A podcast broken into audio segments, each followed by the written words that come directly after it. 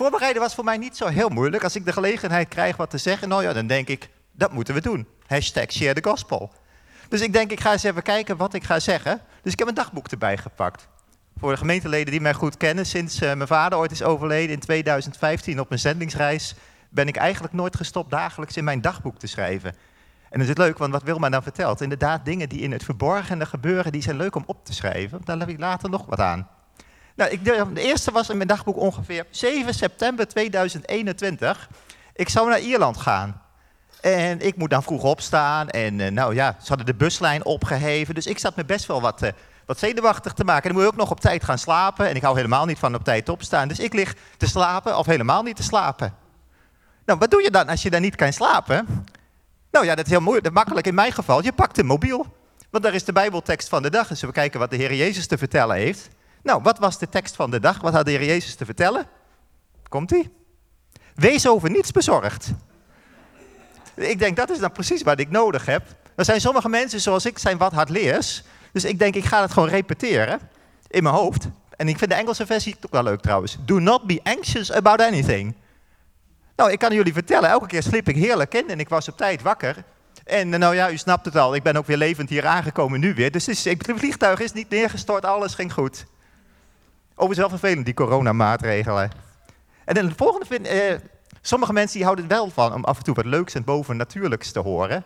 Dus een enkele keer schrijf ik daar ook wat op. Ik, de volgende dag zaten we met de evangelisatiebus en we moesten tanken. En zo'n dieselmotor, voor degene die een beetje verstand van motoren hebben, als die geen brandstof meer heeft of iets, dan is het wel lastig hem weer te starten. In ieder geval, die grote bus die startte niet meer. Ik denk, nou ja, daar staan we dan bij het benzinestation. Gelukkig niet zo ver, we kunnen altijd nog naar huis lopen, maar het is wel lastig. Maar goed, uh, ik uh, ben wel lid uh, in een kerk of buiten een kerk van het gebedsteam. Dus ik zeg, zal ik ervoor bidden? Ja, dan moest je maar doen. Dus ik moet eerlijk zeggen, ik heb geen idee wat er gebeurde. Maar ik denk, ik bid iets van, heer, zegen deze bus en laat hij het weer doen. Maar niet veel later waren we weer onderweg. Dus het is mij niet helemaal duidelijk of het alleen mijn gebed was... of dat de chauffeur er veel bestand van heeft. Maar goed, de bus deed het weer. En ik, gebed vind ik, nou toch zo even wat mag zeggen. Ik vind gebed heel interessant. En dan denk ik ook aan de woorden van Wilma. En deze week hebben we iets nieuws gehoord. Voor degenen die het, uh, het, nieuws hebben gevolgd. Je hebt het over het universum. We hebben nou een nieuwe telescoop. Je kan nou nog veel meer zien in het universum.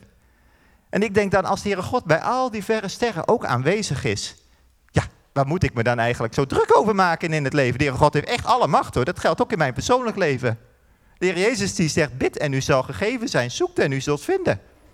Maar goed, mensen zoals ik, die moeten soms ook nog wat dingen afleren. En misschien is dat wel een stukje van het verborgene. Nou, het leuke, ik blader even helemaal vooruit in mijn dagboek. Dan heb ik genoteerd op 6 mei 2022, ik was ergens in Nederland.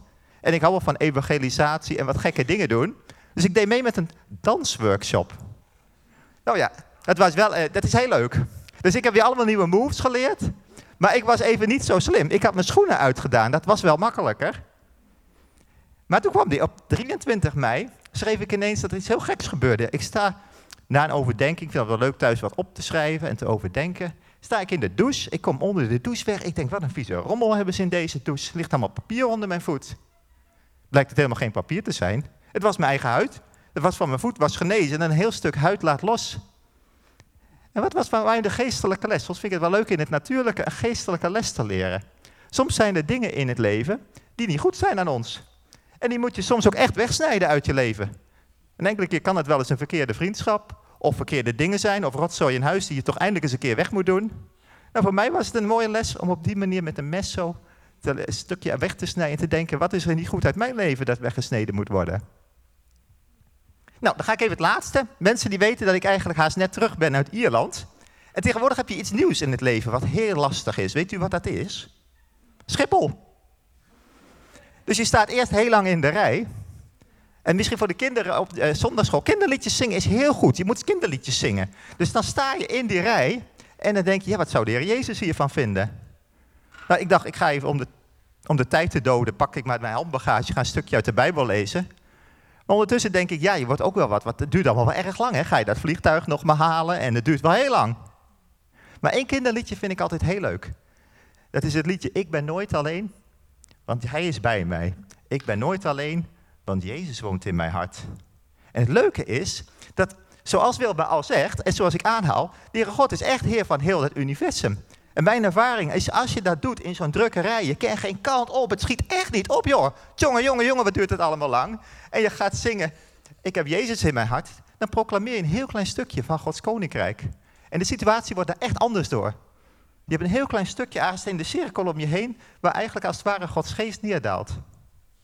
Nou, dan ga je, zit je dan uiteindelijk in zo'n vliegtuig. Hoe is het te geloven? En dan poos roept de piloot dan om van... Ja mensen, de koffers die je kennen niet uitgeladen worden en ook niet ingeladen worden.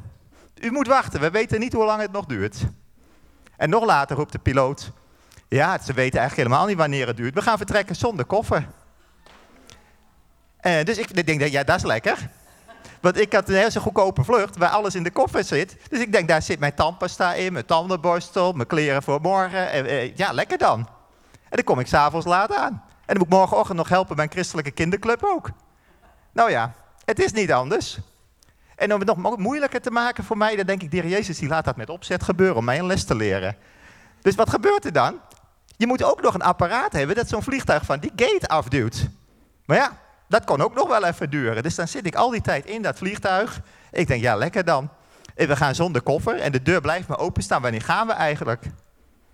En wat mij heel leuk is, en een poos gingen we dan alsnog. En wat mij dan triggert om nog meer na te denken over wat Wilma daar zei. Want ondertussen maak ik me dus erg druk over dingen waar je helemaal niet zo druk over hoeft te maken. De Heer Jezus is echt Heer van hemel en aarde hoor. Die, die koffer is echt lang niet interessant. Waar, gaan we daar, waar heb ik het eigenlijk over? Dat maakt niet uit. Het leuke van een vliegtuig is, dan zweef je tussen hemel en aarde. Dan kan je nog meer nadenken als je zo de aarde onder je door ziet gaan. Waar draait het leven uiteindelijk om? Nou, voor mij werd de les de volgende dag, ik denk, ik had discussie, uh, gesprek met mijn vriend daar, die zegt van, nou die koffer, daar zie je nooit meer terug. Ik hoop niet dat hij nou kijkt, uh, want ik dacht namelijk iets anders. Ik denk, die koffer die gaat wel snel terugkomen. Want waarschijnlijk, ik weet niet zeker, ik kan niet de gedachten van de Heer Jezus denken. Maar soms heb je wel eens een idee dat je denkt, nou, ik denk dat de Heer zo denkt. Dus de Heer die heeft mij een les geleerd en de volgende dag komt die koffer. Heel geinig, heel geinig. Ik koop dan toch nog een paar de Primark een paar mini-kleren. En terwijl ik net heb betaald, gaat de sms af. De luchtvaartmaatschappij. Uw koffer is aangekomen op Dublin Airport.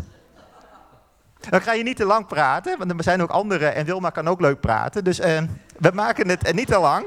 Maar het was overigens wel een heel avontuur om uiteindelijk die koffer terug te krijgen.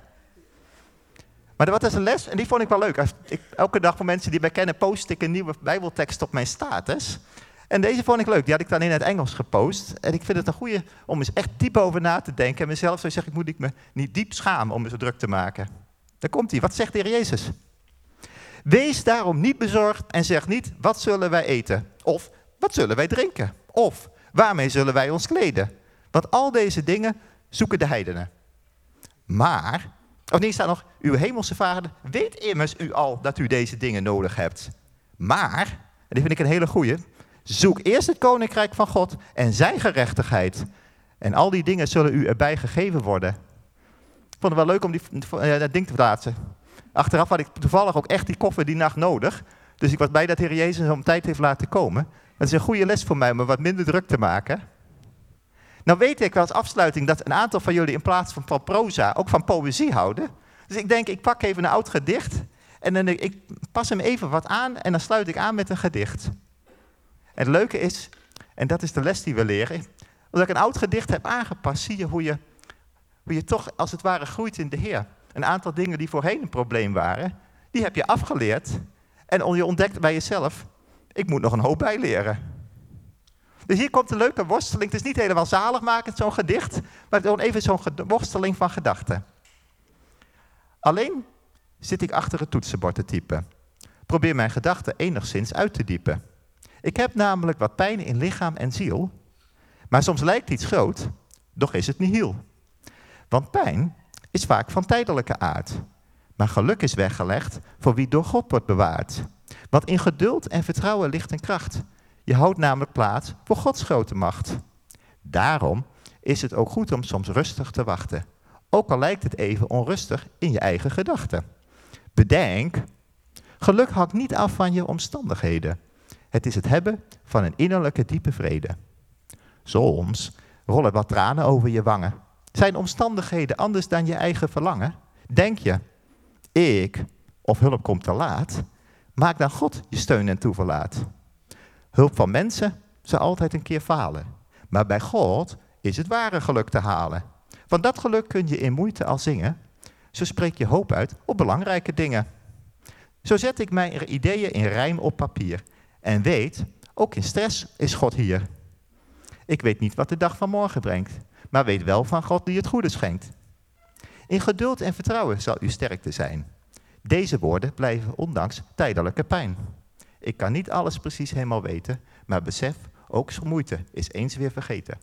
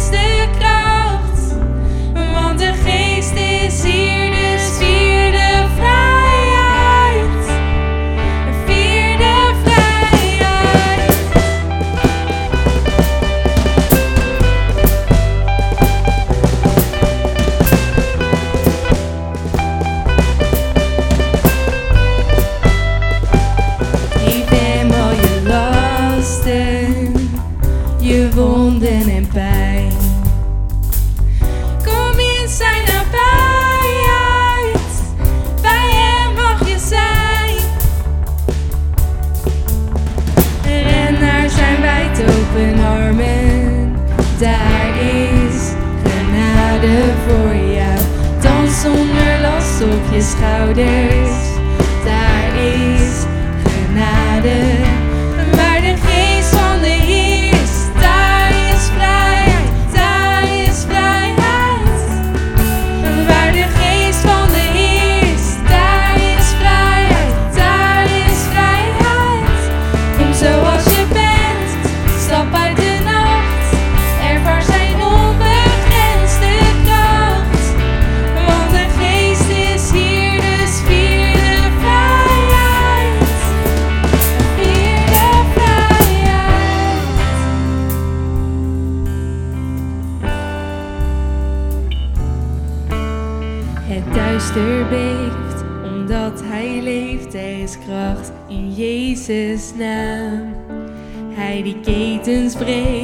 en vrijheid geeft. Hij is kracht in Jezus' naam.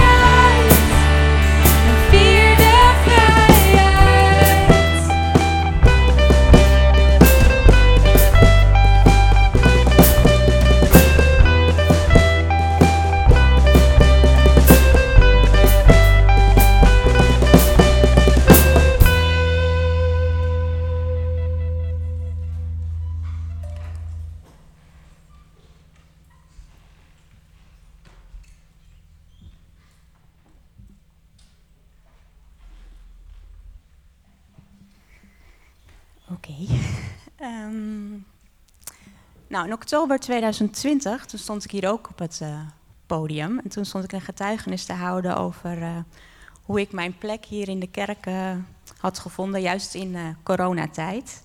En ook mijn wens om samen een veilige gemeente te zijn waarin iedereen zich verbonden voelt. Nou, en tegelijkertijd met die zoektocht was ik ook al bezig met een andere zoektocht. En dat was een zoektocht naar een nieuwe baan. Nou, ik heb al eerder verteld dat ik last, ja, ik durf nog net niet te zeggen had, heb van angststoornissen. En uh, intensief in therapie ben geweest. En een jaar of zeven terug werd ik toen ook voor uh, eh, 100% afgekeurd. Zodat ik mij volledig op de therapie kon richten. Nou, dat was natuurlijk best heftig. Want naast dat ik mijn droombaan, en dat was lesgeven, moest loslaten, moest ik ook dat loslaten waarvan ik als enige dacht dat ik geslaagd was. Ik voelde mezelf behoorlijk mislukt in het leven op allerlei gebieden. En het enige dat ik in mijn ogen wel kon, dat was juf zijn. Het lesgeven, het contact uh, met de kinderen, dat ging allemaal als vanzelf. Ik heb nooit een ordeprobleem gehad. Ik had overzicht, had mijn dossiers op tijd in orde. En voor collega's was ik een vraagbaken voor diverse problematiek. En dat kon ik dus wel. En dat kon ik dus nu niet meer. En wie ben ik dan nog? Nou, om niet geheel door de therapie in beslag uh, genomen te worden, ging ik vrijwilligerswerk doen bij Benno en Paulien, de hertog, op de zorgboerderij. Een heel aantal van jullie die kennen die plek. Nou, eerst was ik daar vooral voor mezelf. Een veilige plek vinden ervaren dat ik er mocht zijn tussen andere christelijke mensen, andere kwetsbare mensen ontmoeten en hun verhalen horen en in de natuur zijn. En werk op de moestuin, op het land en dicht bij de dieren. En daar werd uh, steeds meer duidelijk dat dat voor mij ook een hele goede werkomgeving is. En ik werd ook weer in staat om voor andere mensen te zijn, om andere mensen te begeleiden en zo iets voor uh, hun te kunnen betekenen. Nou, een jaar of drie later, toen was ik aan het bladeren in de visie en toen uh, viel mijn oog ineens op een advertentie. En ik lees echt nooit de advertenties. En het was een uh, vacature voor een pedagogisch medewerker op een uh, christelijke kinderopvang op moederij. Nou, ik wist meteen, ik, ik moest schrijven, dus ik stuurde een sollicitatiebrief. Ik schreef dat ik last had van angststoornissen, volledig afgekeurd was dat ik heel druk was met therapie en dat ik op het gebied van werk toch wel weer heel graag een nieuwe stap wilde zetten. Nou, ik mocht op gesprek komen en ik werd aangenomen. Maar na zo'n anderhalf jaar begon het toch alweer wat meer eh, te, te kriebelen. Het ging ondertussen ook stap voor stap eh, beter met mijzelf. Ik had ervaren dat ik het werk aankon en ik begon ook te merken dat ik zelfs meer aankon en ook meer nodig had. Ik miste verdieping uh, in mijn werk en ook wat uitdaging. Maar ja, wat voor werk zou ik dan nu willen en ook kunnen gaan doen? Ik had echt werkelijk geen idee. Het onderwijs terug in, dat leek niet de juiste de weg. Het feit dat je nooit klaar bent met je werk, dat er altijd wel iets te doen is en de hoeveelheid taken die er naast het lesgeven ook uh, zijn, die waren voor mij niet meer uh, de goede maat. Maar er zou vast wel iets anders op mijn pad komen, want mijn huidige werk was er echter ook zomaar ineens geweest. Dus nou, daar ging ik vanuit. En ik ging dit keer ook samen met, met Wilma voor bidden. Eind 2019 begonnen we gericht te bidden voor een nieuwe werkplek. Nou, begin 2020 was de nood bij mijzelf best hoog. Ik was het zat op mijn werk.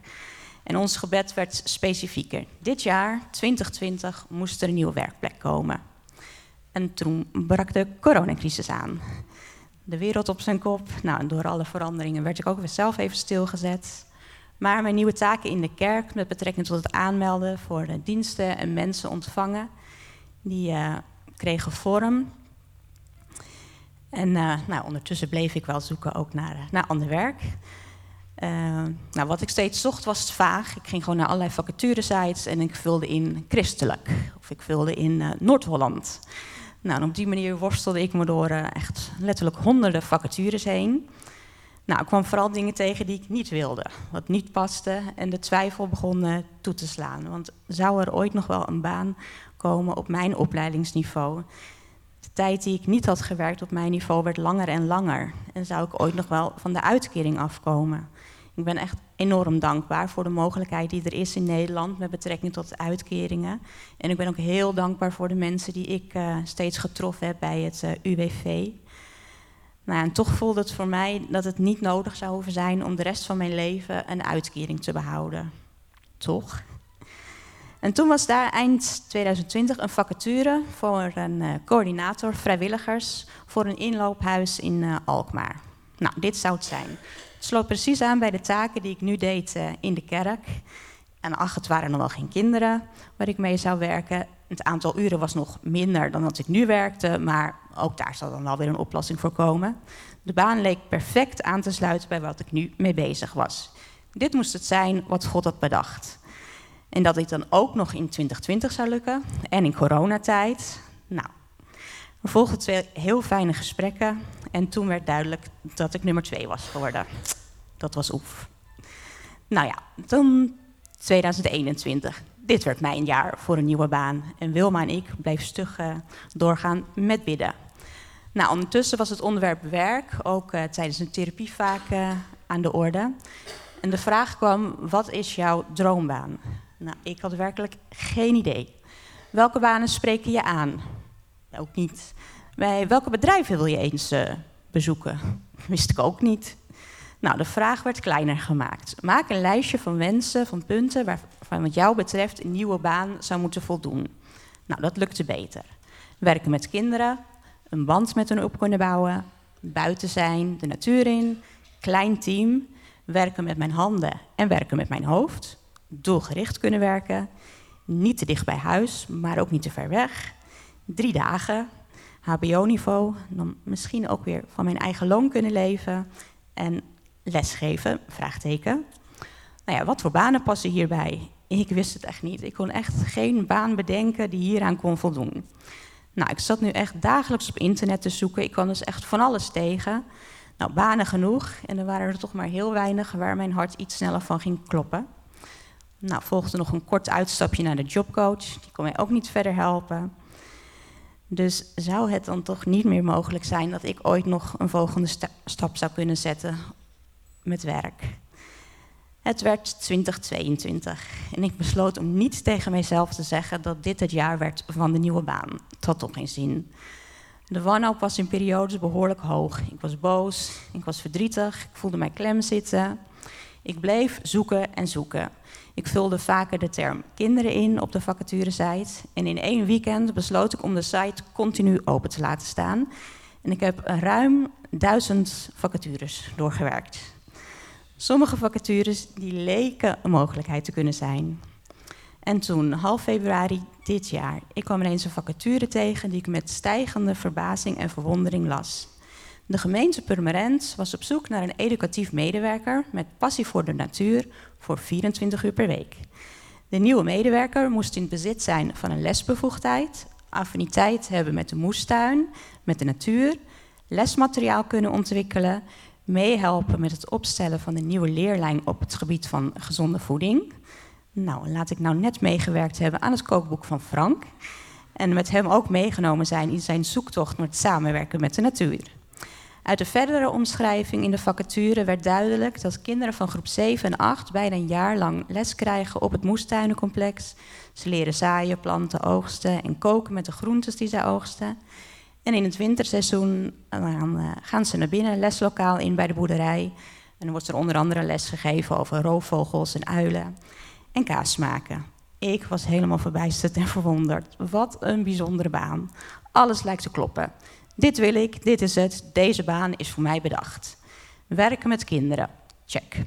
Een band met de kinderen op kunnen bouwen, check. Buiten zijn, de natuur in, check. Klein team, check. Werken met mijn handen en werken met mijn hoofd, check. Doelgericht kunnen werken, check. Niet te dicht bij huis, niet te ver weg, check. Drie dagen, check. HBO-niveau, misschien van mijn eigen loon kunnen leven, ik hoopte het. Lesgeven, check. Vol enthousiasme schreef ik een brief en belde met de coördinator. En toen brak een lange tijd van wachten aan. Allereerst stond de vacature ruim een maand open om op te schrijven. Maar zie daar, in die periode was ik hier heel druk in de kerk met alle klusdagen van de ontmoetingsruimte. Van alles wat er geregeld en voorbereid moest worden, dus afleiding genoeg.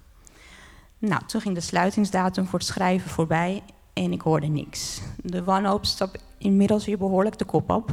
Want waarom moest dit zo lang duren? Nou, ik word toch niet uitgenodigd. Ik ben al veel te lang uit onderwijs. Hebben natuurlijk heel veel mensen geschreven. En waarom gaan ze mij dan uitnodigen? Uiteindelijk kreeg ik begin april toch te horen dat ik op gesprek mocht komen. Eind april was op zich een logische datum, want dat viel in de meivakantie. Maar dat betekende dus weer wachten. Um, nou, veel wachten, veel bidden, heel veel bidden. Ik vertelde ondertussen ook aan iets meer mensen dat ik deze sollicitatie had lopen. Iets wat ik heel spannend vond om te doen. Maar ik had het nodig om te weten dat ik wist dat er meer mensen met mij aan het meebidden waren. Tijdens het sollicitatiegesprek in april werd er verteld dat er ruim 30 sollicitanten waren en dat ze met zes mensen een gesprek hadden gepland. Oef, dat waren inderdaad heel veel sollicitanten. Ja, waarom zou ik dan daaruit uitgekozen worden om deze functie te gaan vervullen? Tevens werd er ook verteld dat de laatste twee gesprekken in uh, of half mei zouden zijn, omdat er twee sollicitanten op vakantie waren. Dus wachten. Nou, met dit wachten nam ook de moedeloosheid met uh, vlagen het weer over. En ik uh, bid ook vaak schrijvend. En als ik het nu teruglees, dan ervaar ik nog steeds de wanhoop. Het steeds meer smeken, het uitroepen van mijn pijn en verdriet. Want wat zou er gebeuren als dit het ook niet werd? God, dat zou ik echt niet aankunnen. Help mij, red mij, bescherm mij. Hoe zou ik ooit nog iets zo passends kunnen vinden? En daar kwam dan eindelijk half mei het telefoontje. Ik was het geworden. Ze waren het er unaniem over eens. Werkelijk. Een wonder. Wat een gebedsverworing. Het heeft ook even geduurd voordat ik het echt kon geloven. Vorige week heb ik afscheid genomen op mijn vorige werk. En afgelopen dinsdag heb ik al een keer meegelopen in Purmerend. De werkplek is echt super. Want contact met en het lesgeven aan de kinderen ging als vanzelf. Is deze baan gekomen op mijn tijd? Waarschijnlijk wel, al heb ik er vele malen heel wat anders over gedacht. Is de baan gekomen op Gods tijd? Dat is zeker. En ik weet dat bidden helpt. In augustus start ik op mijn nieuwe werkplek nadat ik in februari een intensief therapietraject heb afgesloten. Dus misschien is dit inderdaad wel mijn tijd. Precies het goede moment om te starten op een plek die voor nu helemaal op maat gemaakt is. Lieve Vader in de hemel, ik dank u. Ik dank u voor dat wat u mij gegeven heeft. En ik dank u dat u altijd luistert, hoe ik ook bid en wat ik ook zeg. U bent er altijd en u weet wat goed voor mij is. En ik blijf doorbidden en wacht af welke antwoorden er in de toekomst nog meer zullen komen. Amen.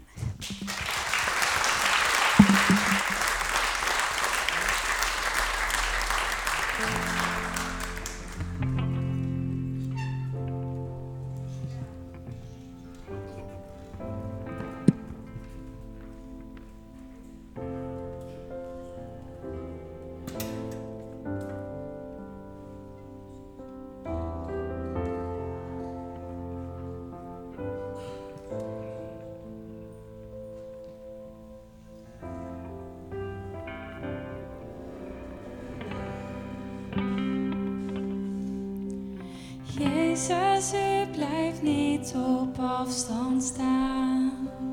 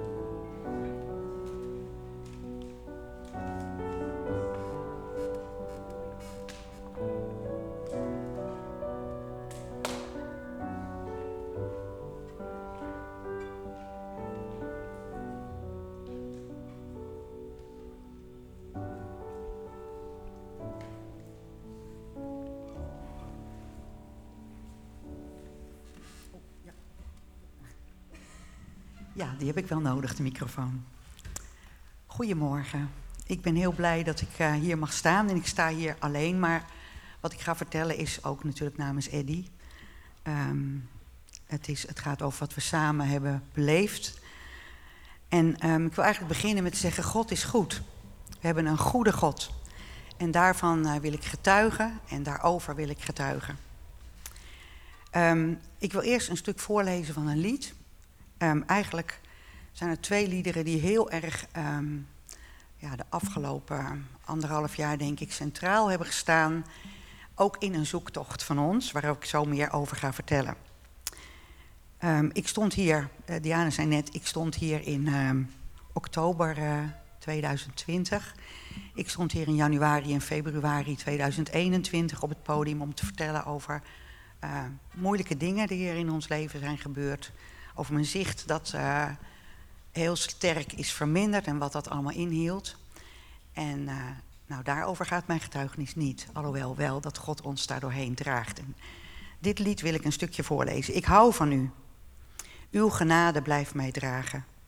Dag aan dag, in de palm van uw hand. Van de morgen tot de avond, als ik weer slapen ga, zing ik steeds van de goedheid van God. En dit stuk, ja, daar krijg ik gewoon iedere keer, denk ik, dit is zo waar wat er komt. Al heel mijn leven bent u trouw, Heer. Al heel mijn leven bent u goed, zo goed.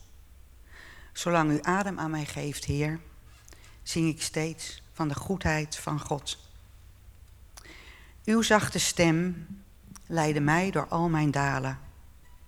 U was dicht bij mij in mijn donkerste nacht. Heer, ik ken u als een vader. Ik ken u als een vriend. Ik leef met u in de goedheid van God. En dat is iets wat we zo hebben ervaren in ons leven. En daar wil ik van getuigen. Ik, inderdaad, wat het lied zegt, ik wil zingen zolang ik adem heb. Nou, ik zal het niet zingen, het getuigenis, maar ik zal het zeggen. Um, al een hele tijd, uh, ik woon inmiddels 41 jaar in de Zaanstreek, die uh, bijna 32. Um, maar we hadden eigenlijk al een tijd wel het verlangen om uh, toch meer in een wat rustiger deel van, de van het land te gaan wonen. richting de Veluwe. En zei, nou weet je, als we nou eens daar werk gaan zoeken, dan, nou, dan kunnen we daar misschien ook wel gaan wonen. dus Eddie ging op zoek naar werk. En nou, er kwam een prachtige kans voorbij in Barneveld. En daar zeiden ze, we willen je heel graag hebben. Nou, dat was fantastisch. Dus we dachten, dat is echt geweldig. Het was bijna rond. En toen zeiden ze, het gaat niet door. we hebben geen geld. We kunnen je niet in dienst nemen. En het was echt zo, we hadden nou er zo voor gebeden. En zo ook het idee dat dit de plek was waar uh, waar God een baan voor Eddie had. Het werd aan alle kanten bevestigd en ineens klaar.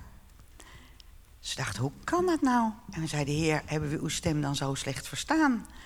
Uh, nou ja, dan, dan weten we het ook niet. Dan, ja, uh, dan moeten we maar afwachten. Dus we bleven bidden. En op een gegeven ogenblik kwam er een, een bericht. we kunnen je toch in dienst nemen. Nou, Eddie zei, is het misschien ook mogelijk om gedeeltelijk thuis te werken? Want ja, dat zou wel fijn. Het is best wel een eind. En totdat we dan verhuisd zijn naar uh, een beetje in de buurt. Kan dat misschien? Nee, dat kon niet. Vijf dagen in de week op het werk. Nou goed, vijf dagen in de week op het werk. Eddie begon daar 1 maart 2020. En zoals jullie weten was 16 dagen daarna een complete lockdown in Nederland. Dus Eddie moest thuiswerken. Hij moest af en toe wel even erheen, maar nou, en inmiddels is het beleid twee dagen op de zaak, drie dagen thuis. Dus ja, echt bijzonder gewoon dat God zelfs ook in al die dingen voorziet. Dat is echt zegen. Maar goed, toen Eddie uh, daar werkte, dachten we... ja, als hij nou een vaste baan heeft daar... eerst heb je altijd natuurlijk een jaarcontract... dan kunnen we wel op zoek gaan naar een baan. Of naar, sorry, naar een huis. Dus we belden onze hypotheekadviseur en die ging alles berekenen. Dat was in november 2020. Prachtig overzicht. We wisten wat we konden lenen. Nou, toen gingen de prijzen heel erg stijgen natuurlijk. Maar daarbij kwam dat twee maanden later dat we in een heel ander pakket zaten, omdat mijn zicht uh, zo uh, minder werd. En het was de bedoeling dat ik daar ook een baan zou gaan zoeken natuurlijk. Ik ging niet uh, pendelen naar de Zaanstreek terug. Maar ja, ik kon opeens helemaal geen les meer geven, dus wat nu? Um, ja, we zeiden, heer, we weten het ook niet. Um, maar net als wat ik heb voorgelezen uit dat lied, hij draagt ons in de palm van zijn hand. En dat hebben we zo ervaren, zo, uh, dat God zo'n rust gaf en zo in die moeilijke omstandigheden dat we eigenlijk gewoon, er was helemaal geen paniek. Misschien heel af en toe even, maar, maar echt dat we zo de vrede en de rust van God mochten ervaren en zo zijn nabijheid en ook in die donkerste nacht dat God daarbij is. Um, maar na een aantal maanden dachten we, uh, toen was mijn uitkering kwam heel snel rond. Um, uh, ja, normaal gesproken gaat er een hele tijd overheen voordat je definitief afgekeurd wordt. In mijn geval zei de bedrijfsarts, nou, ik hoef, of de keuringsarts, ik hoef u helemaal niet te zien. Ik praat wel even met u een half uurtje door de telefoon en het was rond. Het was echt ontzettend snel. En daardoor konden we ook op zoek naar een huis, omdat mijn inkomen op, ook vast stond. Uh, we gingen op zoek.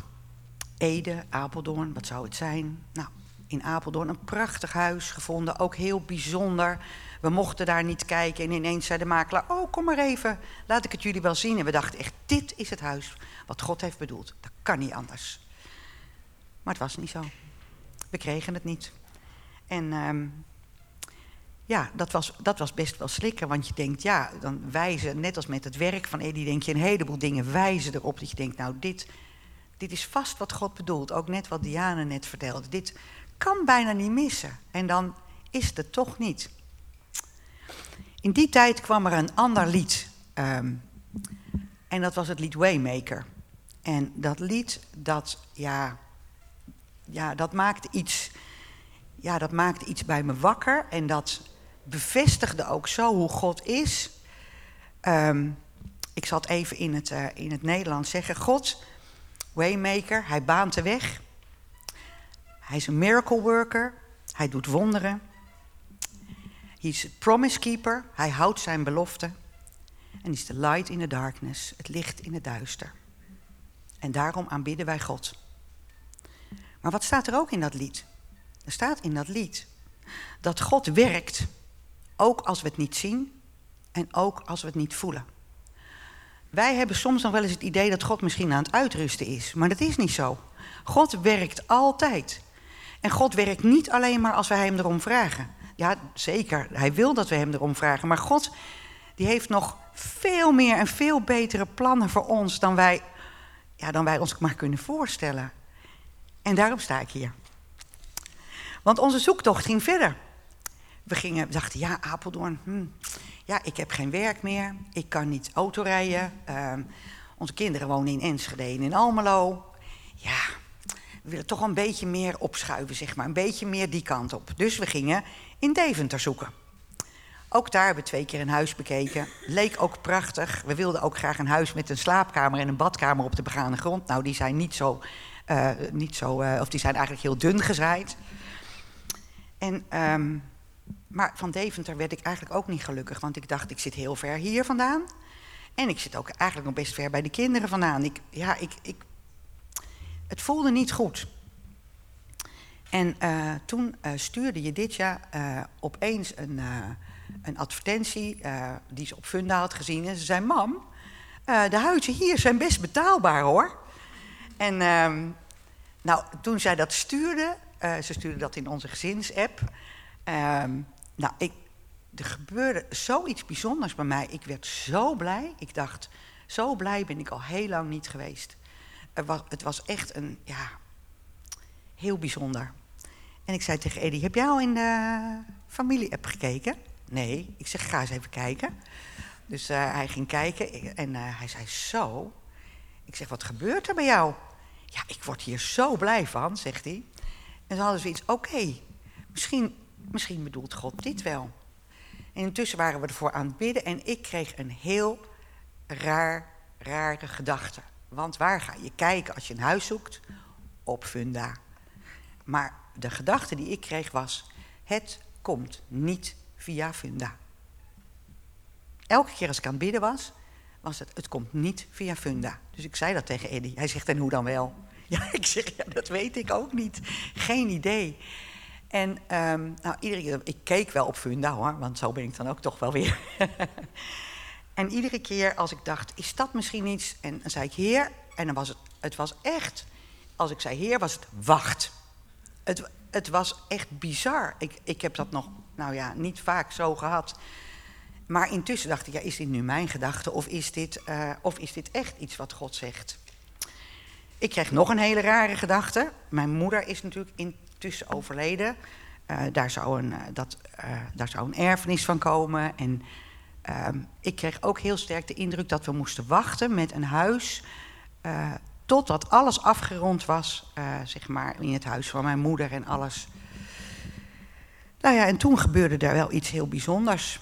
Uh, want uh, Eddie had een huis gezien op Funda uh, in Almelo. En we zeiden, weet je wat, we gaan daar toch kijken. Gewoon om eens te zien, wat is daar eigenlijk in Almelo? Wat voor soort huizen hebben ze daar? En, en we gingen ook gelijk een afspraak maken bij een aankoopmakelaar.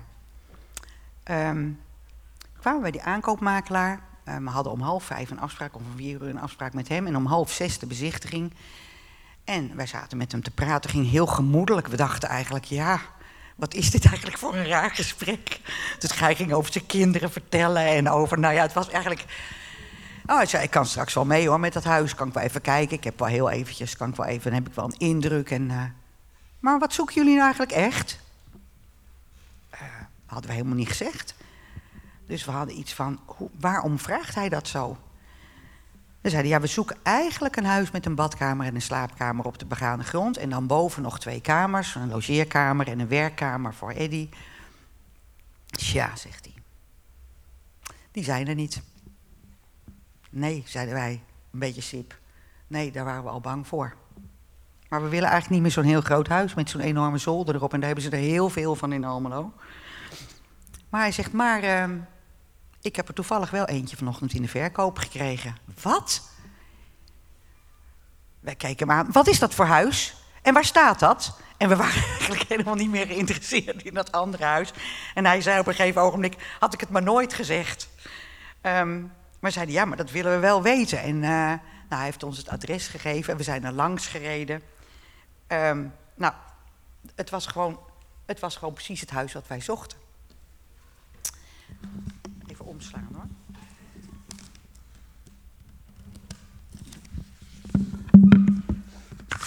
Ging goed.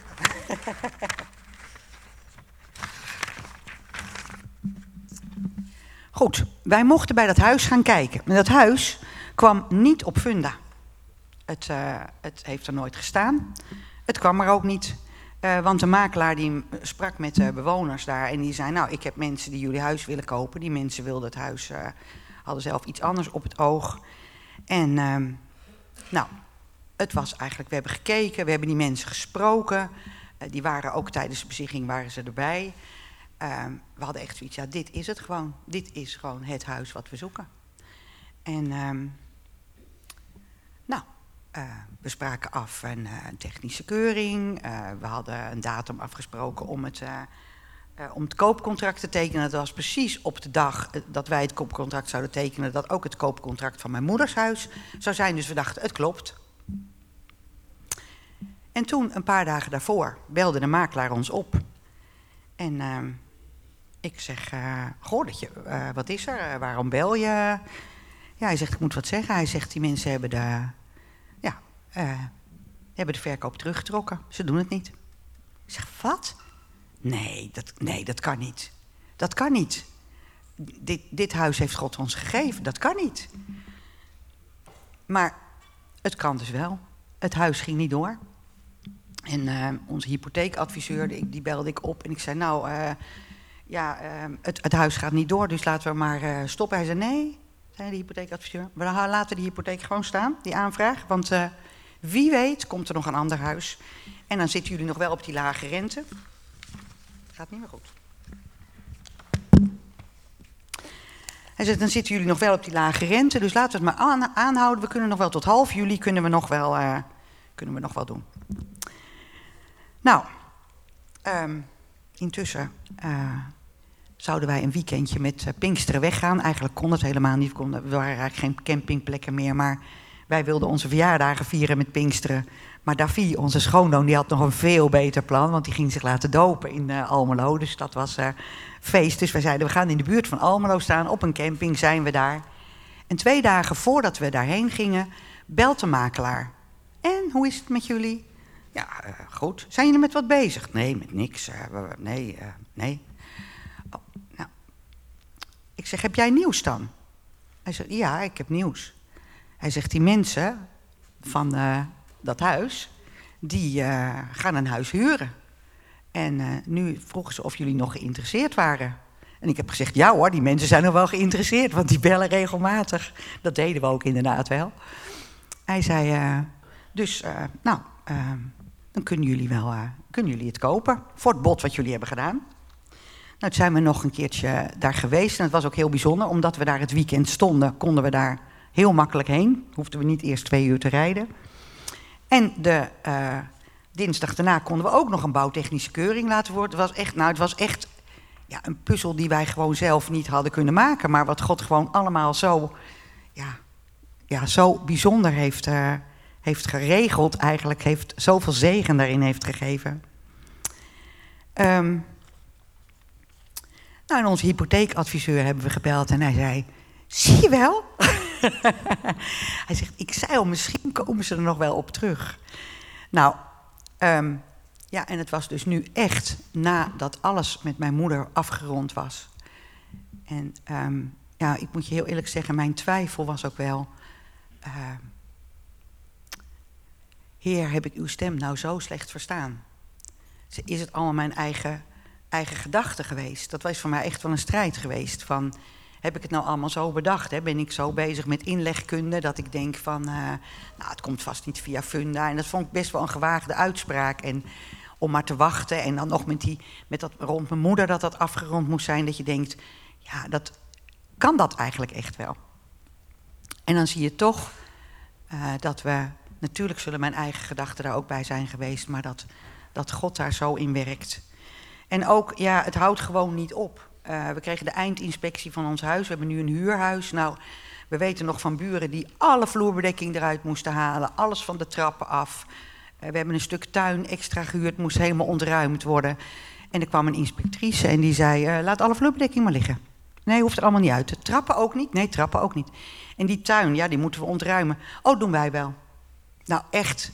Ik heb wel drie dagen behang af moeten stomen, dat wel. Maar dat is, valt in het niet bij uh, alles wat er anders had moeten gebeuren. En dan nog één ding.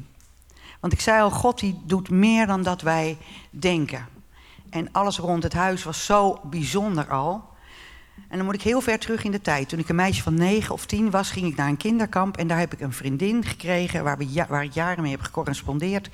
En zij uh, woonde in, uh, is uit, ze in Friesland, is later verhuisd naar Rotterdam. Um, nou, we kregen in 2016, toen het met mijn rechteroog uh, misging, ging, uh, we hebben weer contact gekregen, gingen we wat appen. Maar vooral vanaf vorig jaar, januari, hebben we heel veel geappt. En laten zij nou een huis hebben gezocht, al vijf jaar lang, in, in het oosten van het land. Zij wilde graag in het oosten van het land gaan wonen. En zij hebben een huis gevonden op 6,5 kilometer van ons nieuwe huis. En wij appen dagelijks bijna met elkaar. Uh, zij is ook christen. Ja, het is echt. God weet ook gewoon dat ik mensen nodig heb. Ik laat hier zoveel van jullie achter. En uh, natuurlijk kun je contact houden via telefoon of app of wat. Maar God weet ook dat ik mensen heel dicht in de buurt nodig heb. En onze kinderen zitten in de buurt, dus daar zijn we natuurlijk in de eerste plaats dankbaar voor. Maar dat God zo voorziet, ja, dat is heel bijzonder. God is echt iemand die de weg baant, die zijn belofte houdt, die wonderen doet. En uh, daar wil ik hem echt voor prijzen en hem alle eer voor geven.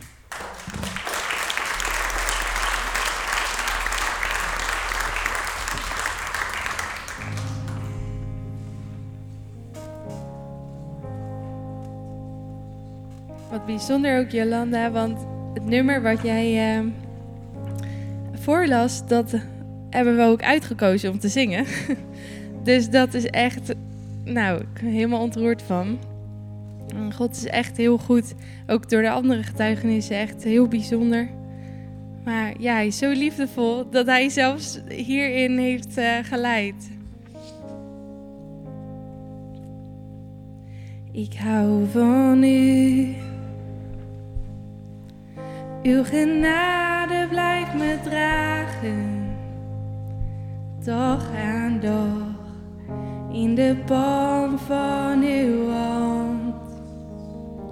Van de morgen tot de avond, als ik weer slapen ga, zing ik steeds van de goedheid van God.